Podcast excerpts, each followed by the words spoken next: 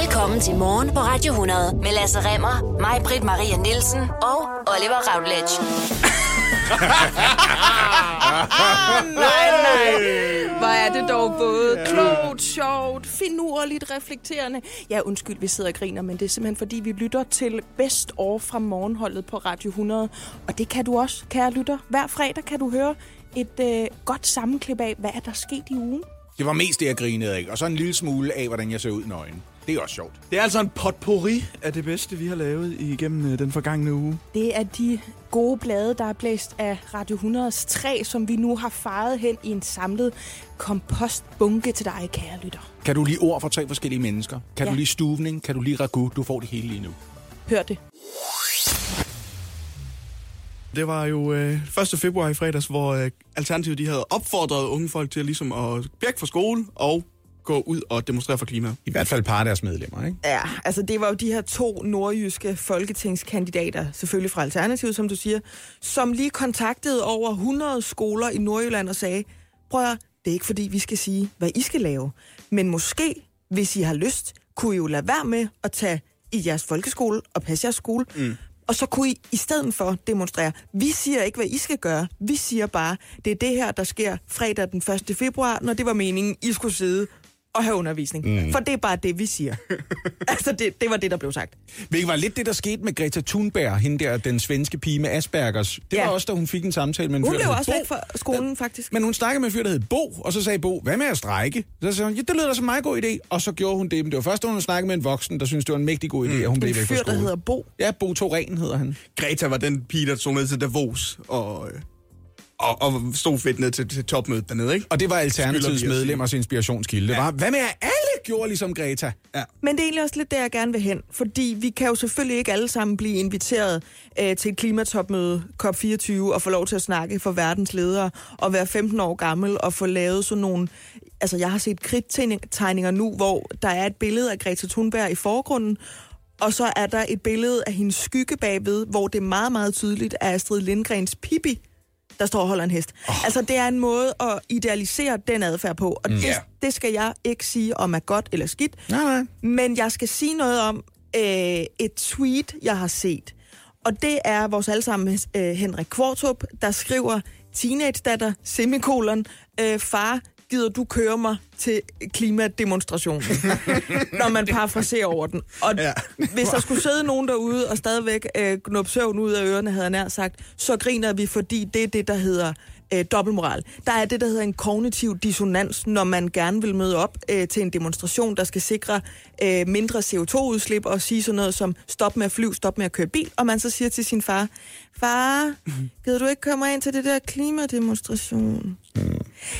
Also, Og det, I den lange udgave af den der ting, der skal det siges, det virker også som om øh, Kvartrups datter sådan ret hurtigt tænker, ja, ja, jeg ved det godt. Altså, det er ja, ikke... øh, og jeg vil lige slå fast her. En pige på 14-15 år, hun skal ikke sidde her og have med min rive.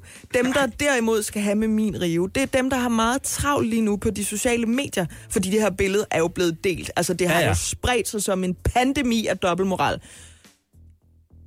Det, der er problemet, det er, at det er ligegyldigt, hvad du siger, hvis det, du gør, ikke følges ad med det, du siger. Mm. Ja.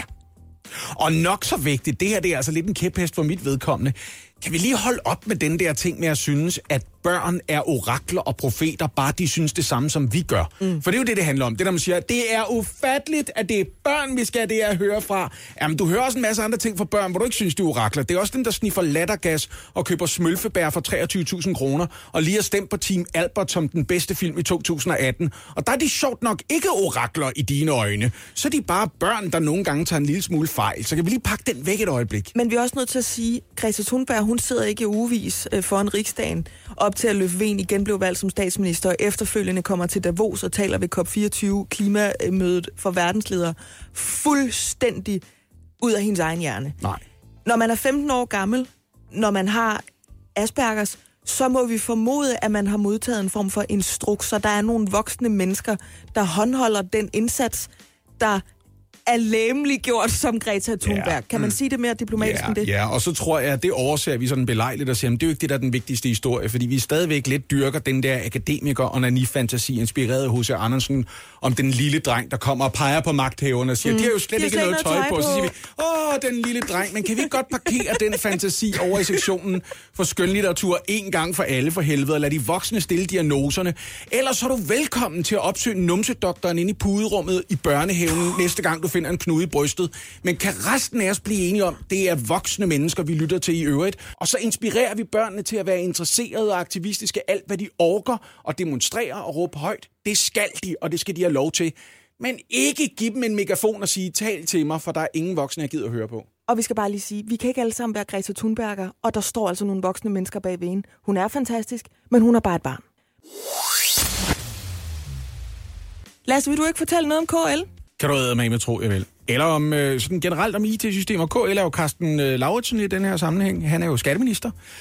Og han er en skatteminister, som står med... Øh, Som ligner et barn, Ja, han ligner et barn. siger Oliver. han, han ligner et barn, som øh, har prøvet at spise jordskoksuppe med en ske den forkerte hånd øh, lige for øjeblikket. Han har griset sig fælt til i ansigtet. Og det har han, fordi det store IT-system, som skulle revidere øh, alle boligvurderingerne i Danmark, jamen det har vist sig simpelthen at være meget mere kompliceret, end man de havde regnet med. Ja. Og så løber det jo op, og, og det bliver rigtig, rigtig dyrt. Og det er ikke nogen overraskelse. Nu skal jeg passe på med at slå i bordet, sådan som jeg gjorde for fem minutter siden. Ja. Fordi det her, det er en ting, som har stået på igennem 15 år nu, og politikere bestiller et IT-system, sætter nogle penge af til det, og så kommer det bag på dem. Nå, det er åbenbart svært, end man lige havde regnet med. Skal vi tage en hurtig gennemgang? Kan I huske, altså det her det er bare inden for de sidste 20 år. Kan I huske Amanda, Arbejdsmarkedsstyrelsen? Skrottet i 2008, man har spildt en milliard kroner på Amanda. Øh, Domstolsstyrelsen havde lavet et IT-system, også skrottet i 2008. Det kostet mindst 80 millioner kroner. Det skulle holde styr på civilstraffe. Politiets sagsbehandlingssystem. Øh, kørt i pilotdrift på Bornholm, skrottet i 2012, kostede cirka en halv milliard kroner. ProAsk, Damn. Arbejdsskadestyrelsens IT-system, skrottet i 2014, kostede 164 millioner kroner, uden de nogensinde kom i arbejde. Og det er bare nogle af dem. Det ligner, at Lasse han sidder og dirigerer herinde. Jamen, jeg sidder og så, fægter. så gal er han. Okay, fortsæt bare, søde mand. et fælles inddrivelsessystem. Det er skat øh, udviklet, der blev sat i arbejde i 2013, uden at være færdig og på trods af eksperters advarsler. Sidst prisen var offentlig, der var den over 300 millioner kroner, og så begyndte man at mørklægge prisen for det. Men de afledte omkostninger i form af alle de penge, staten ikke har fået ind, fordi EFI ikke virker en ski. Det kom, kom til at lyde som et håndværkerslogan. Det der, det må jeg undskylde. Det er jo også i milliardklassen. Det her, det er fællesskabspenge, milliarder af penge, der bare altså, er blevet kastet i et hul. Og nu er det altså senest Men Lasse, det her prøv at høre. vurderingssystem. Det er dyrt at være ambitiøs, og nogle gange er det også dyrt at tage fejl. Kan du ikke bare tænke sådan? Pr- Prøv at høre, problemet er, at det her det er noget, som folk, der er det, der hedder IT-arkitekter, de har forudset og påpeget i løbet af de sidste 10-12 Åh, år eller sådan noget. ej, den er også de har sagt igen og igen, at problemet er, at hvis du ikke på forhånd lytter til brugerne og spørger, hvad er det, I har brug for, løbende spørger brugerne, har jeres behov forandret sig sidenhen, så man kan formulere nogle succeskriterier, der ikke bare handler om, hvad systemet skal kunne indeholde, men også, hvordan det skal bruges i sidste ende. Så ender du i en situation, som for eksempel øh, patientplatformen, hvad er det, den hedder? Sundhedsplatformen, for eksempel, ikke? Øh, øh, som ender med at, at fuck op i medicinering og så videre. Livsfarligt. Så det, du siger, det er, at der igennem længere tid har været sikkert flere IT-specialister, eksperter, der har stået og sagt, Carsten Lauritsen, der er altså en grund til, at du har to ører og en mund. Du skal lytte mere, end du taler. Men det har Carsten Lauritsen sagt, nej, nej, nej, nej, vi skal bare have det der system. Eller i det mindste tale med nogle mennesker, der kan finde ud af at stille de rigtige spørgsmål. Sådan det, der kommer ud af Carsten Lauritsens mund, eller folk under ham, Ja. det er noget, de kan bruge og omsætte til et projekt, som sandsynligvis kommer til at koste mere, end man budgeterer med. Men så i det mindste virker, når det er færdigt. Men Lasse, der tror jeg så, du glemmer, at han altså har været ude at sige, at han altså skal være den første til at sige, at det her, det kommer altså både til at tage længere tid, Ja. og, og nok også blive dyrere, end vi lige havde forudset. Jeg vil lige sige det her. Hver gang du hører en politiker, og især en toppolitiker sige, jeg skal være den første til at sige, så er de aldrig, Aldrig den den første første. til at sige det. Det er fuldstændig ligesom, når en politiker beklager. Det er ikke en undskyldning. Det er en undskyld, du havde dit hoved der, hvor jeg skulle sparke. Ja, præcis. Og det er lidt det samme med det her. Og det skal vi altså være de første til at fortælle dig, kære lytter. Vi glemte det i går, og vi beklager. Altså, det er virkelig Vi er virkelig kede af det. Vi skal være de aller, aller første til at beklage, og det er for dårligt, og der skal strammes op. Mm. Vi har fuldstændig ignoreret, at det i lørdags den 2. februar var køndelmisse. Ja, mm. og jamen, jeg får det så dårligt. Og det har vi, til trods for, at vi er en radiostation, der selv betaler vores regninger, stadigvæk et samfundsansvar for at lægge ud til dig, kære lytter, fordi mm. vi ved, at det er vigtigt for dig, og det er en stor del af dit liv, og vi skal ikke sidde herinde og opføre os, som om, at det ikke fylder noget i vores liv. Mm. Øhm, Kan du ikke fortælle os om, hvad det er, vi... jo, og der er jeg bare nødt til at sige, at jeg øh, har haft så travlt med selvfølgelig at fejre køndelmisse, at jeg øh, fuldstændig har glemt, hvad det er. Mm, og derfor ja, har jeg lige været nødt til at gå ind på øh, Wikipedia for at finde ud af, hvad er det nu, det der køndelmisse er. Ja, selvfølgelig. Øhm, køndelmisse eller Marie Renselsesdag er en gammel kristen helligdag den 2. februar. Så langt, så godt. Det vidste vi godt. Dagen blev kaldt for Kjørmes Knud. Det, det er ham, der kommer i sneflokke, kommer vrimlende, ikke? Hen over diger, trimlende, det fyrer ud af... Og nu kom Kjørmes Knud. Seriøst? Til sidst i første vers. Nej, nogle gange så er det altså Knud. virkelig brugbart, at du er så gammel, Lasse. Tak for det. Køndelmisse er en fordanskning af de latinske ord for lysmesse. Kønnel candelarum, det lyder som noget fra Harry Potter, mm. lys og missa-messe. Et andet ord var kærmesse, og heraf kom kørmesse og kjørmes. Nu begynder jeg at blive lidt langhåret. Ja, det gør det godt nok. Men nogle gange så er der altså også guld i at gå på Wikipedia og forsøge at finde ud af noget omkring vores øh, religiøse og historiske kulturarv, fordi nu, nu kommer det. Mange traditioner og varsler er knyttet til køndelmisse.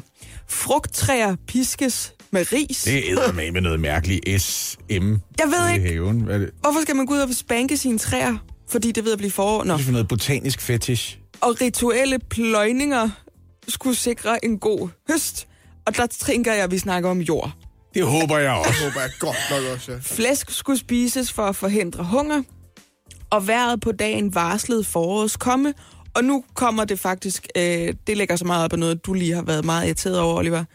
Hvis det blæser så meget, at, og det her står i kursiv, at 18 kællinger ikke kunne holde den 19. ved jorden, så vil foråret snart være på vej. Åh, oh, for pokker da. Du så siger, nej, prøv at høre, vinteren kommer til at fortsætte, fordi det blæser kun nok til, at 17 kællinger ikke kan holde den 18. på jorden. Det er... Eller hvis man siger, gud, er det ikke, er det ikke 19 kællinger, der står derovre? Nå, men så er det ikke køndelmisse. Så er det ikke køndelmisse. Fordi så er der for mange. Ja. Og så står der her øh, afslutningsvis, og kjørmes tø er så godt som 100 læs hø. Og det var en tommelfingerregel for, at bunden skulle have halvdelen af sit foder til sine dyr tilbage, da de her dyr altså først skulle komme ud på græs igen i maj måned. Det var en måde at holde hus med øh, det foder, man havde til sine dyr. Altså, hvis det tør den 2. februar, er det et godt tegn. Og hvis det blæser så meget, at kællinger ja. ikke kan holde en kælling på jorden. Ja, Ja, tøvejr, blæsevejr, 18 kællinger. Hvem- der ved du, der har at du det er ligesom håndreglerne for køndelmisse, ikke? Boede ja. man ikke i meget mindre samfund i gamle dage? Altså, det er, da, det er da noget af en rundtur, man skal på i sovnet for at finde 19 kællinger, bare for at kunne finde ud af det. Hvad vi da heldig? Man er da typisk heldig, hvis man kender en eller to kællinger, ikke? Altså, jeg tænker, jeg tænker for det første, at kællinger bare er noget... Altså, vi har puttet en, en holdning ned over det. En gang har det bare været... Gamle damer eller sådan Ja. noget. Men damer, tror jeg. Ja. Altså, jeg tror... Jeg, hvis I siger til mig, at jeg er en dejlig kælling, så siger jeg tak, tror jeg. Gør du det? Ja, det, det tror jeg. Jeg du siger det, Oliver, Nej, jeg udfordrer det ikke. Nej, jeg tror udfordrer ikke. Jeg ved ikke, Men er det, er det på grund af den her køndelmisse, vil jeg gerne lige høre, at der i øjeblikket er sådan øh, en meget blæst op Copenhagen Light Festival, som man alle sammen skal gå ned og se. Jeg synes, det er rigtig spændende. Ej, jeg tror ikke, det er Copenhagen Candlelight på den måde. Nej, men kan det have noget med køndelmissen at gøre? Altså, det har jeg lyst til at sige, at, Ja, at det er det? fuldstændig rigtigt, men jeg skal ærligt indrømme, jeg, jeg ved det ikke. Det er bare, jeg kan godt lide tanken om, der er lidt mere bag den tanke af i at- i at holde en lysfestival, end bare at sige, vi er en by, lad os holde en festival, altså, hvor vi hylder lyset. Ved du, hvorvidt at det er en form for samskudskilde, hvor de spiser kraftig suppe, pandekager med øl og brændevin, eller stuet hvidkål med flæsk og pølse? Øj. Det tror jeg, det er. Den der menu gør mig endnu mere skamfuld over det første, nu vi ja. snakker om køndelmise. Hold kæft, hvor lyder det lækkert, mand. Jamen, det lyder som en ramachan, man godt gider være med til, ikke? Kan man ikke det? Jo, så tøvejr, blæsevejr, 18 kællinger og flæsk og pølse. Og Så der Harry Potter, der står bare og siger Candelarum missa over hjørnet og tryller Så er vinteren altså køndelmisse. Vi skal altså en tur på Fyn nu, nærmere bestemt Firkløverskolen i Ørbæk. Ja. Her gik man, øh, en, her fik man en novembermorgen i 2018 besøg af en mand, som dukkede op med et ID-kort fra Nyborg Kommune, Ja. og han gav udtryk for at være fra kommunens IT-afdeling. Ja. Manden han siger så til skolelederen af Firkløverskolen, at han er optaget af datalæg på Firkløverskolen, og han derfor helt akut er blevet sendt til skolen for kommunens IT-chef for at finde kilden og stoppe lægget. Okay, så han er kommunalt udsendt Ja, til en kommuneskole. for grund af, at der skulle være datalæg. Okay. Skolelederen han bliver naturligvis nok ret bekymret for det her, og da han ikke kan genkende manden, så prøver han altså at få fat på Nyborg Kommune for at få bekræftet hans identitet. Siger, hvorfor har I sendt ham her ud Ja, til os? lige præcis, og ikke hvorfor I ikke øh, fortæller os noget om det. Ja, send lige en mail. Imens så taler denne mystiske mand, altså med Firkløverskolens IT-vejleder, undersøger skolens antivirusprogram og får fremvist kontorets printer. Ja. På sig har han en taske, som hele tiden peger imod retningen af de medarbejdere, som han altså taler med. Nu ved jeg godt, hvor vi skal hen. Det viser sig så, at mandens ID-kort er falsk, at han i tasken gemmer et skjult kamera, som optager alt, hvad der foregår omkring ham, og han i virkeligheden er ansat i et sikkerhedsfirma, Fra der Rusland. er hyret af Nyborg Kommune. Nå, det var ikke noget med Putin. Ikke noget med Putin at gøre. Og hvorfor gør man så det? Okay, what the... F- Altså, Nyborg Kommune har sendt ham undercover for at undersøge, om skolens medarbejdere kan narres til at give adgang til de her personfølsomme oplysninger, og dermed overtræde EU's nye persondataforordning. Ej. Jo. Ej! Altså, hele den her De aktion... hiver jo bukserne ned på deres egne ansatte. Ja, det er, altså, det har altså været en test af de personer ansat på Firkløverskolen i et forsøg på at finde svagheder i, hvordan kommunens medarbejdere passer på personfølsomme oplysninger. Ej, ej, ej, ej, ej. Hvad Hvad fanden er det for nogle sker metoder? der, om jeg må spørge? Ja. Hvad? Hvis jeg finder ud af, at vores nye kære praktikant Kasper, han egentlig er ansat af et sikkerhedsfirma for at tjekke op på, og jeg siger noget helt forkastisk i radioen, eller filmer mig, mens jeg mellem sangene sidder med fødderne op på bordet og spiller kaffe på gulvet i ny og næ, så bliver jeg edderspændt rasende, kan jeg fortælle dig. Ja. Gud, var det en vild måde at behandle. Også fordi, som, som jeg også hørte i nyhederne, og som jeg ellers har fået indtryk af, så var det ikke sådan, at den skole på Fyn havde fået en, en hulens masse anmærkninger for at have et problem med at opbevare personfølsomme oplysninger. Mm-mm. Det er jo sådan noget som ungernes CPR-nummer, eller hvor de bor, eller hvornår de er syge, eller måske øh, underretninger om forældre, eller hvad søren ved jeg. Nej. Det var ikke sådan, at der bare stod altså, Jo, det er problemer i kø. Ja. Det, det er simpelthen bare været en stikprøve for det. Og det, det, det, er, det er så moralsk og etisk forkert som noget, det kan være det her, synes jeg. Altså, det er en underlig måde at behandle sine ansatte af, kan man sige, Ja, fra kommunens hold. Det er jo kommunen, altså, og, og der må man også sige, at dem, der er ansat på Firkløverskolen, er jo ansat af kommunen. Og de har simpelthen printet et falsk ID-kort til manden, eller hvad? Ja, det er jo så det, fordi kommunaldirektøren, han udtaler sig til DR. Han siger, det her det er en træls sag. Oh, really? Altså, Ja, ja. og så siger han så, jeg mener, det er et ID-kort, som han har fundet i en skraldespand. Det er ikke noget, vi har givet ham. Ej, vil du da holde op? Bullshit! Altså, Man du finder et, ikke... der er ikke nogen, der smider deres ID-kort ud i en skraldespand. To, det er jo med mandens info på. Men det er så sindssygt. Hvor er det dog en dårlig... Altså- Altså... Prøv at, hvis du skal lyve, så skal du være bedre til at lyve. Jamen, det, det, det, og, og han er kommunaldirektør, og så siger han, jeg tror, han har fundet det her, øh, det her ID-kort fra Nyborg Kommune med, med våbenskjoldet på fra Nyborg Kommune i en skraldespand. Altså, og Hvor så det dog- lige øh, et billede på af sig selv. Jamen gud, er det underligt, når han samtidig er engageret af dig til at udføre det arbejde, hvor i han får brug for et ID-kort. Så hvad, så skulle han på fuldstændig eget initiativ være gået hen og begynde at rode en skraldespand, inden ja. han gik ud og udførte en kommunal opgave som agent. Det kan da godt være. Ej, hvor er det dog hjælpeløst. Det er altså det er nyheder, som får fat i de her mails, som er sendt mellem Sikkerhedsfirmaet og Nyborg Kommune. Det er IT-chefen på, fra Nyborg Kommune, som altså har haft kontakten. Det er også IT-chefen, som beder om, at der skal være skjult kamera, mens de gør det her. Det står sort på hvidt. Det står sort på hvidt i mails sendt ja. Ja. imellem Ja, ja, IT-chefen og det her sikkerhedsfirma. Og i Nyborg Kommune, der laver man nu et kodex for, hvordan man skal håndtere sådan nogle her sager øh, fremover. og det ved jeg ikke. Det er bare en lidt skør idé, jeg kommer med her. Hvad ja. med, at du øh, stoler på de folk, som er filmer. ansat i en skole, til at de vil det bedste, indtil det viser sig noget andet måske. Hvis, de har, hvis I har formodning om, der skulle foregå noget, så kan I godt gå ind og måske gøre noget og lige sige, hey, hey, hvad foregår der her? Måske ikke med skjult kamera. Måske ikke gøre det med nogen fra et sikkerhedsfirma. Måske selv gå ind og tjekke. Altså, Måske spørge dem, hey, har, sker der noget her med noget datalæk? Altså, kunne det være noget? Hvor tror du, de går hen, alle de direktører og mellemledere og, og branchedirektører og organisationsformænd, der i de her dage bare falder på sexismens og moralens og anstændighedens alter? Hvor fanden er de hen? Er de alle sammen på sådan noget egonø, sidder de med et sammen og bare siger sådan, Nå, hvad gjorde du? Nå, men jeg brugte en helvedes masse penge på. Hvad gjorde du? Jeg filmede mine medarbejdere. Nå, for helvede. Jeg sidder sådan i en rund cirkel rundt omkring her. Hvor er det dog en Hej, underlig jeg hedder historie. Thomas. Also, prøv at tænke, næste gang der rent faktisk skal en IT-sikkerhedsstudie på en folkeskole, og så står der en, en skoleleder og bare kigger på hans øh, ispack-taske og siger, du kan tro nej. Ikke her omkring, kammerat. Majbert, jeg boede jo på Nørrebro, da den her bandekonflikt imellem Loyal to Familia og Brotas Brothers. Brothers, den ligesom var på sit højeste. Jeg kan huske en aften, hvor jeg kom hjem, efter jeg havde været i Jylland en søndag aften. Jeg parkerede øh, den bil, jeg havde brugt øh, på den gade, jeg boede på, og øh, sidegaden til mig, den hed Mimersgade. Og så, da jeg stod og var ved at tømme bilen, kunne jeg høre et skyderi. Ej, fy for helvede. Ja, øhm, og det var ligesom der, det gik op for mig, at huha, jeg er godt nok kommet til øh, en by, der, hvor der er gang i den. Det er Ja. ikke Jørgen, det her mere. Ej, Øh, Jeg synes faktisk, det var relativt ubehageligt, også fordi jeg boede ret tæt på den røde plads og den sorte plads ja. På Nørrebro, som var der, hvor mange af skyderierne ligesom udspillede sig. Men tænkte du så med det samme? Det kan vi ikke gøre noget ved, fordi grundlovens paragraf 78 stykke 2, øh, den forbyder jo øh, kun forsamlingsfriheden i den udstrækning, at deres formål sker ved hjælp af vold, øh, og det yderligere har til formål at være regeringsopløsende. Eller tænkte du bare, Det var nok mere øh, nummer to. øh, jeg havde ikke lige øh, de der øh, ja, flotte gloser. Altså øh, i går, der blev der jo åbnet op for et kapitel, øh, ikke bare i Nørrebros historie, men i det her lands historie og i retshistorien, fordi øh, anklagemyndigheden øh, har fået af Søren Pape, som er vores justitsminister, øh, simpelthen velsignelse til at lægge sag an mod LTF, altså Loyal to Familia.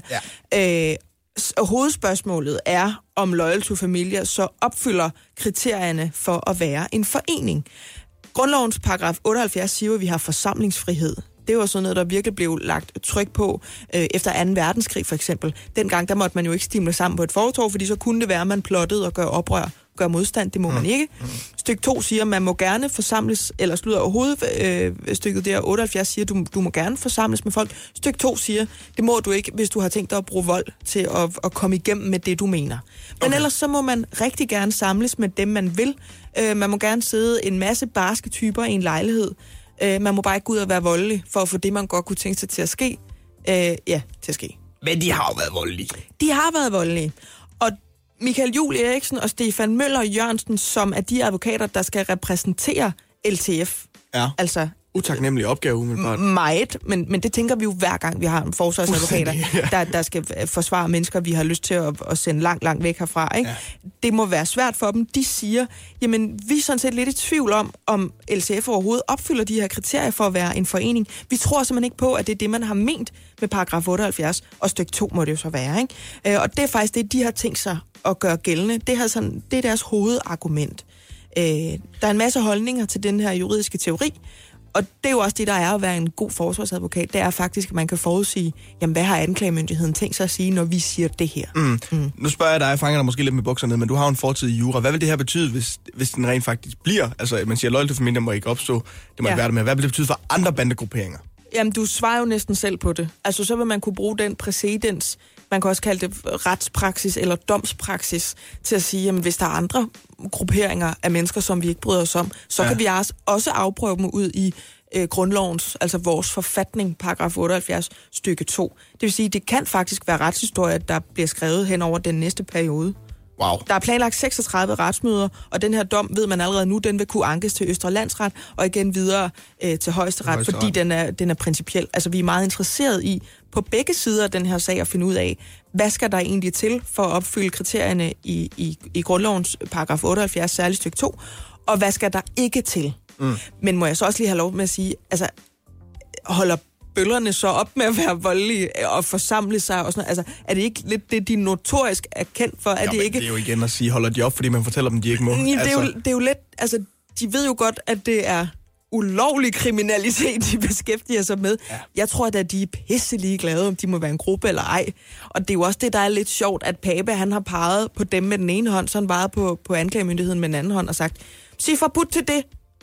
Du må gerne sige forbudt til det, vi må gerne snakke om, at vi kan opløse banderne. Så kan det godt være, at de får svære ved at lege sig ind et sted, hvis de har lyst til at gruppere sig. Øh, men jeg tror ikke, at aktiviteten som sådan stopper. Så der bliver altså en retssag, som der kommer til at foregå relativt lang tid, kan jeg forstå. hvor der er mange altså retsmøder. der er berammet 36 retsmøder. Det første, det var jo så i går. Der er 35 mere af dem, og det er jo altså, dansk retshistorie, hvis man kan få lov til at opløse mm. bander på den måde. Det er jo en bestemmelse, der har skulle sikre, at man måtte mødes i, i, altså efter besættelsen. Øh, og nu bliver den lige pludselig brugt på en helt ny øh, slags gruppering. Det er en sag, som vi 100% kommer til at følge med i og oplyse omkring, hvad der sker. Ja, for det vil du nemlig gerne vide. Det vil du nemlig meget gerne vide. Det er ikke mange år siden, det føltes som et byråkratisk hækkeløb at få udbetalt feriepenge. Mm. Man skulle have et stempel og en underskrift og en påtegning på sit feriebevis fra en arbejdsgiver eller fra kommunen, og så skulle det sendes med gammeldags post. Og det skulle man så også huske at gøre mindst en måned før man holdt ferie, for ens egne penge, de kunne jo ikke bare sådan lige udbetales. Og når jo, man optjente jo også feriepenge eller ferietid fra januar til december, men ferieåret løb fra maj til april. Det er nu blevet nemmere, og det er meningen, at det skal være endnu nemmere. Men først så skal vi lige igennem et par år, hvor vi stiller om fra det gamle til det nye, og derfor har vi Helle Sønderskov Sørensen, som er jurist hos 3F, med på en telefon. Godmorgen, Helle Sønderskov. Godmorgen. Hvad kommer der til at ske de næste par år? Altså, først kan man jo sige, at den serielov, vi lever med i dag, den er godt og grundigt indarbejdet. Så øh, der, er, der skal være en stor omstilling, øh, der skal en stor omstilling i gang nu, øh, hvor altså, vi skal gå fra denne her øh, gamle ferielov over til den nye, med, som er to vidt forskellige systemer. Ja. Øh, der kommer, og, og den overgang, den er, den er selvfølgelig noget, øh, kan man sige, øh, tricky at, øh, at have med at gøre. Men når vi er kommet over på den anden side, så er, her får vi et system, der betyder, at øh, den ferie, man optjener, øh, kan man holde med det samme, så at sige. Øh, hvor vi i dag optjener ferien, og, og så kan vi først holde den året efter. Mm. Så fremover bliver det så sådan, at øh, når du har øh, tjent øh, ferie i løbet af en måned, man optjener 2,08 feriedag på en måned, så kan du sådan set holde den lige med samme bagefter. Okay. Og det, det er det, der er fordelen ved det, kan man sige, ved det nye system. Især for nye, der kommer på arbejdsmarkedet, eller nogen, der kommer ind på arbejdsmarkedet, som ikke har optjent noget ferie tidligere, jamen så kan man sådan set holde sin ferie med det samme. Ja, for det er jo altid den klassiske, at man siger, nå nej, du, du er næsten lige kommet til butikken her, du har først ferie til gode om et års tid. Men hvad så i den her mellemperiode, Helle Sønderskov? Skal man selv gøre noget anderledes, eller skal man bare vente på, at den nye ferielov træder i kraft? Altså, det kommer lidt an på, fordi det, det, der er udfordringen, kan man sige, det er, at man, altså, man har prøvet at tilrettelægge den her ferielov, så man kan opfylde det samme, altså man kan øh, have det samme feriemønster, som man plejer at have. Ja. Øh, og det, altså de fleste, hvis man tager sådan en gennemsnit øh, familie eller øh, person, så, så, så holder mange mennesker sådan en ferie, en uges efterårsferie, tre ugers sommerferie og en uges vinterferie. Ja. Øhm, så, og og det, det der udfordringen ligger lige altså ved overgangen, fordi når man først er kommet i gang med ferieloven, så, så er jeg sikker på, så, så er det ikke et problem længere. Men der er lige i hvert fald et problem i forhold til det feriemønster, øh, og øh, med den her uges øh, efterårsferie. Så, så der, der skal man øh, planlægge og gemme noget ferie, fordi hvis man ikke har øh, gemt noget ferie til den efterårsferie, der ligger i år 2020, Ja. altså ferieloven træder i kraft 1. september 2020. Yes. Når vi så når til oktober 2020, så har vi optjent øh, altså cirka to dages øh, betalt ferie, øh, og det er jo ikke nok til en uges efterårsferie. Det kan man ikke sige. Det er det ikke. Nej, det er vi enige om. Og så, så derfor så kan man så sige, hvad gør man så? Så kan man, der er nogen, der er mange heldigvis, der er omfattet af en overenskomst, hvor de har nogle flere fridage og så videre, så de kan jonglere lidt med dem. Ja. Øh, hvis, hvis man ikke har det, øh, jamen så skal man måske tænke på at overføre noget ferie. Eller Så skal man lige være ferie. opmærksom der. Okay, det synes jeg er rart at vide. Så hvis man sidder derude og overvejer at tage til Gran Canaria i 2020 i efterårsferien, det kunne man jo godt overveje, så skal man ja. altså lige være opmærksom på selv at foretage sig noget indtil den her nye øh, ferielov, den træder i kraft 1. september 2020.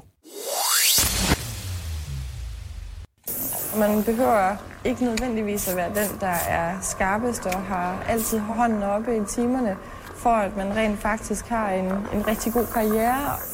This is exactly how I want us to work. Alt, hvad jeg laver, fra morgen til aften, øh, er dedikeret til at blive bedre.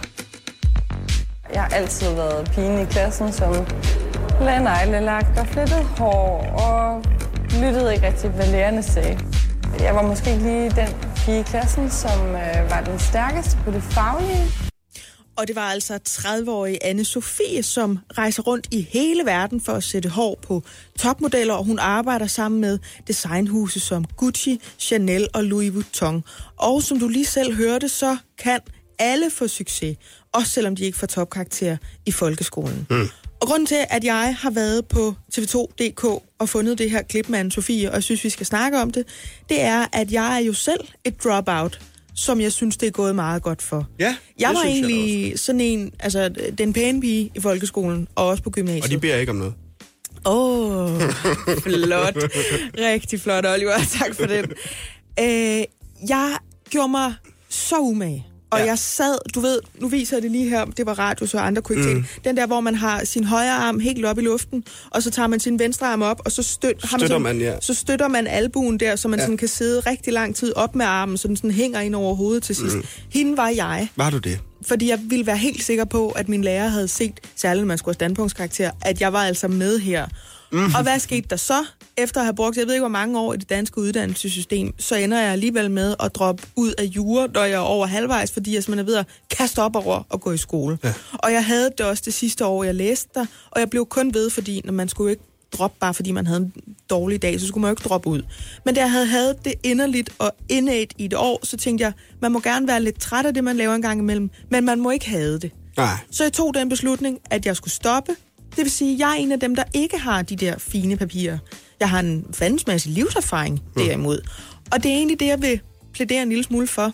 Men jeg kan jo kun slå på den samme trum. Altså, jeg har en gymnasieuddannelse. Ja. Og så tog jeg... Jamen, jeg sad og snakkede med, med vores kollega Sisse i går, og så gik det op for mig, Gud, det er fem år siden til sommer, at jeg øh, gik ud af gymnasiet, og jeg har stadigvæk ikke startet på en uddannelse. Jeg har ikke søgt ind på en uddannelse. Jeg er ikke Nej. Kommet ind på en uddannelse. Jeg har bevæget mig to gange på et, et, altså et, et universitet, og det har været til to forskellige fester. Ja. Altså, jeg har ikke, jeg har ikke åbnet en bog øh, endnu. Altså, en, jo, det har jeg. Jeg har for søren, jeg har fået læst, men ikke i nogen skolebøger. Ikke i nogen jeg har fået læst øh, noget dejlig skønlitteratur. Jeg har fået læst nogle bøger, som jeg synes er gode at læse, og som man kan danne sig selv og blive bedre menneske af.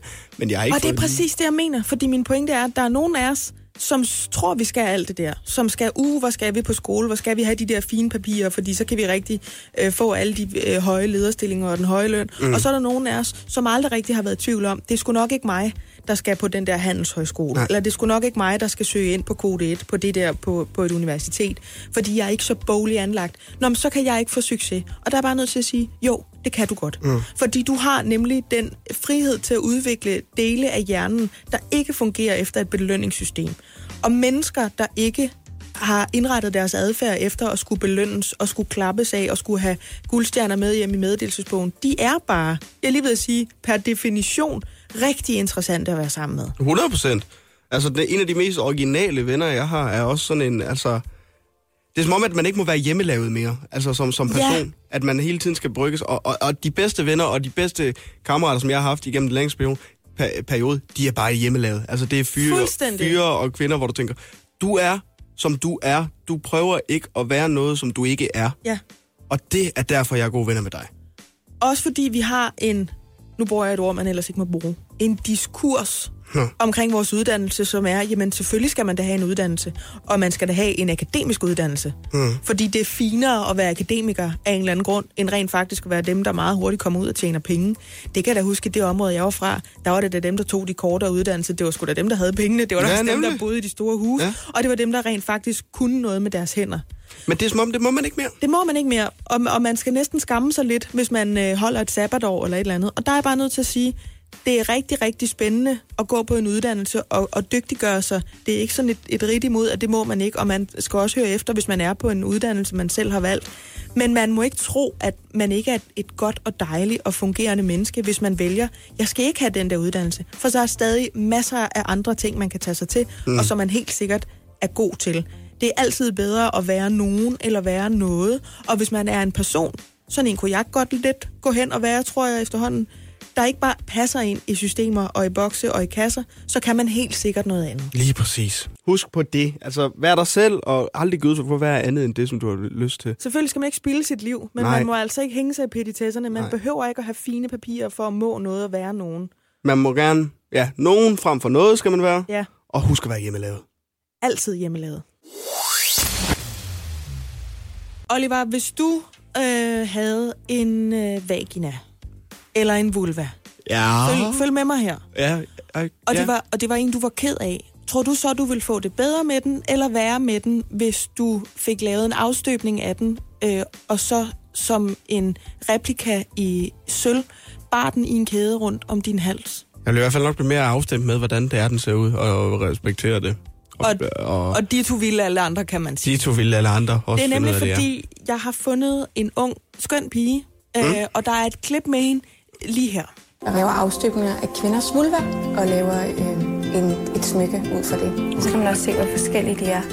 Høre den Det foregår sådan, at øh, man skal sidde på en, en stol i fire minutter med en lille skål, hvor jeg har rørt noget op, som er godkendt til en 10 brug. Og det var så er, dejligt. det ligesom, øh, så er man ligesom færdig, og så tager jeg den her skål med hjem og øh, hælder gips i.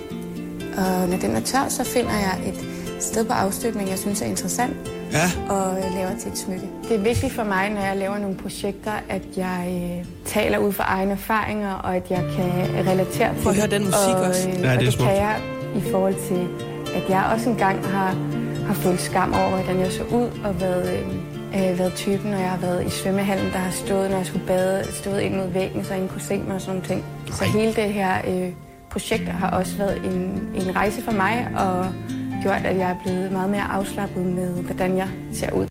Og det er bare dejligt. Det er skønt. Det er jeg glad for at høre. Og prøv at høre, dejligt. herfra, jeg håber, at du, kære lytter, øh, er så tilfreds og så glad for din øh, vagina, eller for din vulva, eller hvordan vi nu skal øh, beskrive øh, det kvindelige mm, organ. Ja, jamen, det er et det? organ, så det kan vi sagtens kalde det. Jeg er bare nødt til at spørge, fordi jeg er ikke øh, en, en pur ung pige, som står i svømmehallen og føler mig utilpas på grund af den måde, jeg ser ud på mellem benene. Så er jeg bare nødt til at spørge ud i luften, er det sådan, man får det godt med sin krop? Er det ved at gå ind og sætte sig over skrevs øh, på en kop med, med noget, der er nogen, der har rørt op? Godkendt til intim brug, det var dejligt lige at få at vide. Og så bliver der taget et aftryk ikke, det er ikke hele vaginaen. Altså, det er et sted, som, som kunstneren finder interessant. ja. Øh, og så kan man sige, at kæden kan sådan set være fin nok. Det kan også være flot at ligesom have, have noget sølv der hængende mellem brysterne, men jeg kan bare mærke, at jeg føler mig ikke helt overbevist om, at det er sådan, man kommer krops øh, usikkerhed til livs. Nej, jeg tror måske, det er en måde, hvorpå man bliver mere bevidst om sin krop, og man skal elske sin krop, og man skal synes, den er dejlig, den som man har, og den kan man ikke Ja. om på, og omfavne den. Og det kan man måske komme lidt mere til livs ved, at man selv øh, accepterer det, ved at få sådan en Men gør man halskæde. det ved at få en halskæde? Mm, Det er ikke sikkert. Fordi når jeg ser det her klip, jeg har været ude på TV2 og finde hende her, den skønne pige, som selv laver det. I øvrigt, igen, hvad er en original? Ja, det her, 100% det er helt sikkert ikke noget, hun, hun har, at der er ikke nogen, der har pitchet hende for det her på CBS. Det har hun selv fundet på. Ja. Øhm, så kan jeg se, at hun laver jo først en hel afstøbning af vulvaen. Altså at, at de indre og de ydre og alt, hvad der Ja, øh, tak. ligesom er der. Øh, og så bagefter finder hun et interessant sted, hvor hun kan lave den her aftryk, øh, aftryk på. Den der afstøbning, det ligner gips efterfølgende, som hun laver aftrykket på. Det er hele vulvaen. Den tror jeg i virkeligheden ville afdramatisere det for mig, hvis jeg var en pur ung pige, der havde det dårligt med, hvordan jeg så ud imellem benene. Fordi, som hun netop siger, vi kan jo se her, hvor forskellige vi ser ud. Ja, den er måske bedre. Altså, have den som dørhank eller et eller andet. Ja, gæstehåndklæder, et Ja, eller andet, når man jeg? op. Nej, min pointe er bare, fordi man ikke skammer sig over noget, så er det ligesom om, vi er kommet i en tid, hvor at så bliver man nødt til at være stolt over det. Ja, Altså, det er der findes ikke Jamen, sådan det er en meget fin pointe. Altså, det er sådan en... Men her, her er min vagina, den skammer jeg mig ikke over. Mm. Nå, og det skal du heller ikke, og du skal have det dejligt med den, og du skal æde den, og du skal smøre den ind i nogle, nogle dejlige cremer, og, og kun lukke folk ind til den, der er søde ved den, og alt det der. Det var slet ikke med den på. Jeg er bare i tvivl, om det er blevet sådan en, enten så skammer du dig, og så er der noget i vejen, eller også så er du pissestolt, og så bærer du den i en kæde om halsen. Ja. Jeg siger bare, hvis man er en pur ung pige, så tror jeg også, der findes andre metoder, end at gå ind og, og proppe sin øh, vulva ned i noget, der er godkendt til intimbrug øh, inde midt i København. Man må gerne, hvis man har lyst, men man kunne også kigge på, hvordan andre så ud. Måske kunne man gribe lidt i egen barm. Nu brugte jeg udtrykket barm. Det kunne også være, at det var et sted, man havde problematiseret. Og så man kigge sig rundt i verden først. Ikke? Ja, det synes jeg er en god opfordring. Det virker bare... Jeg føler mig gammel, når jeg ser sådan noget her. Men igen, altså alt, hvad der kan medvirke til, at unge piger får det bedre med deres egen krop, det er jeg about. Jeg skal bare ikke gå rundt med min egen vulva i en kæde om halsen. Nej, og det, det jeg synes bare jeg er så fint, du tager afstand fra det, Majbert. Og Nå, men jeg siger ikke afstand. Jeg siger bare, det, det ønsker jeg mig ikke. Den skal du ikke købe til mig. Og jeg er jo vant til at læse op for et meget større publikum. Ja. Men det er jo ikke nogen hemmelighed, at øh, selvom man laver radio, så er man ikke undtaget for den nu influ- influenzaepidemi, der har lagt sig over Danmark. Og derfor har vi øh, det meste af den her uge været halveret, som ja. Ja. set herinde i studiet. Det har vi. Men nu kommer der i hvert fald et digt om de ting, vi har behandlet i løbet af ugen Jeg glæder mig. alligevel, ikke? Kom og host på rektor, så vi kan afgøre, om du er syg. Det var beskeden til sygemeldte elever på Svendborg HHX. Og det er da bare at sige til, kære doktor rektor, for alle er jo indhyllet i en form for influenza-pest. Flot. Ja. En dansk tømrer fik seks år i Rusland for at være vidne til Jehova. Det der med religionsfrihed, det bruger Putin ikke så meget af. ja, det er jo ikke. Oh, oh, oh, jeg kan Jeg godt... synes, den går. Ja, ja, den går. Den er borderline. Nyborgs Kommune bruger åbenbart undercover-agenter på deres folkeskoler. Så ja, vi skal finde os i kommunalt antaget IT-assistenter med kameraer under deres kjoler. Og fordi vi er halvt så mange, så er digtet altså også kun halvt så langt. Halvt så mange strofer. Fuldstændig. Men ved du hvad? Nej, fortæl mig det. Det handler om kvalitet og ikke kvantitet. Ja, tak. Og der er du jo bare et levende bevis på det. Tænker du på mig, når du siger det? Det gør jeg. Det håber Jeg jeg, også, føler, det andre rimer gør. på mig, Britt Maria Nielsen. Ja, det, det gør det ikke. Det var der også nogle ting i det Men her i digt, dit der digt, der kunne det godt rime, sådan som det skrevet. Morgen på Radio 100 med mig, Britt Maria Nielsen, Lasse Remmer og Oliver Routledge.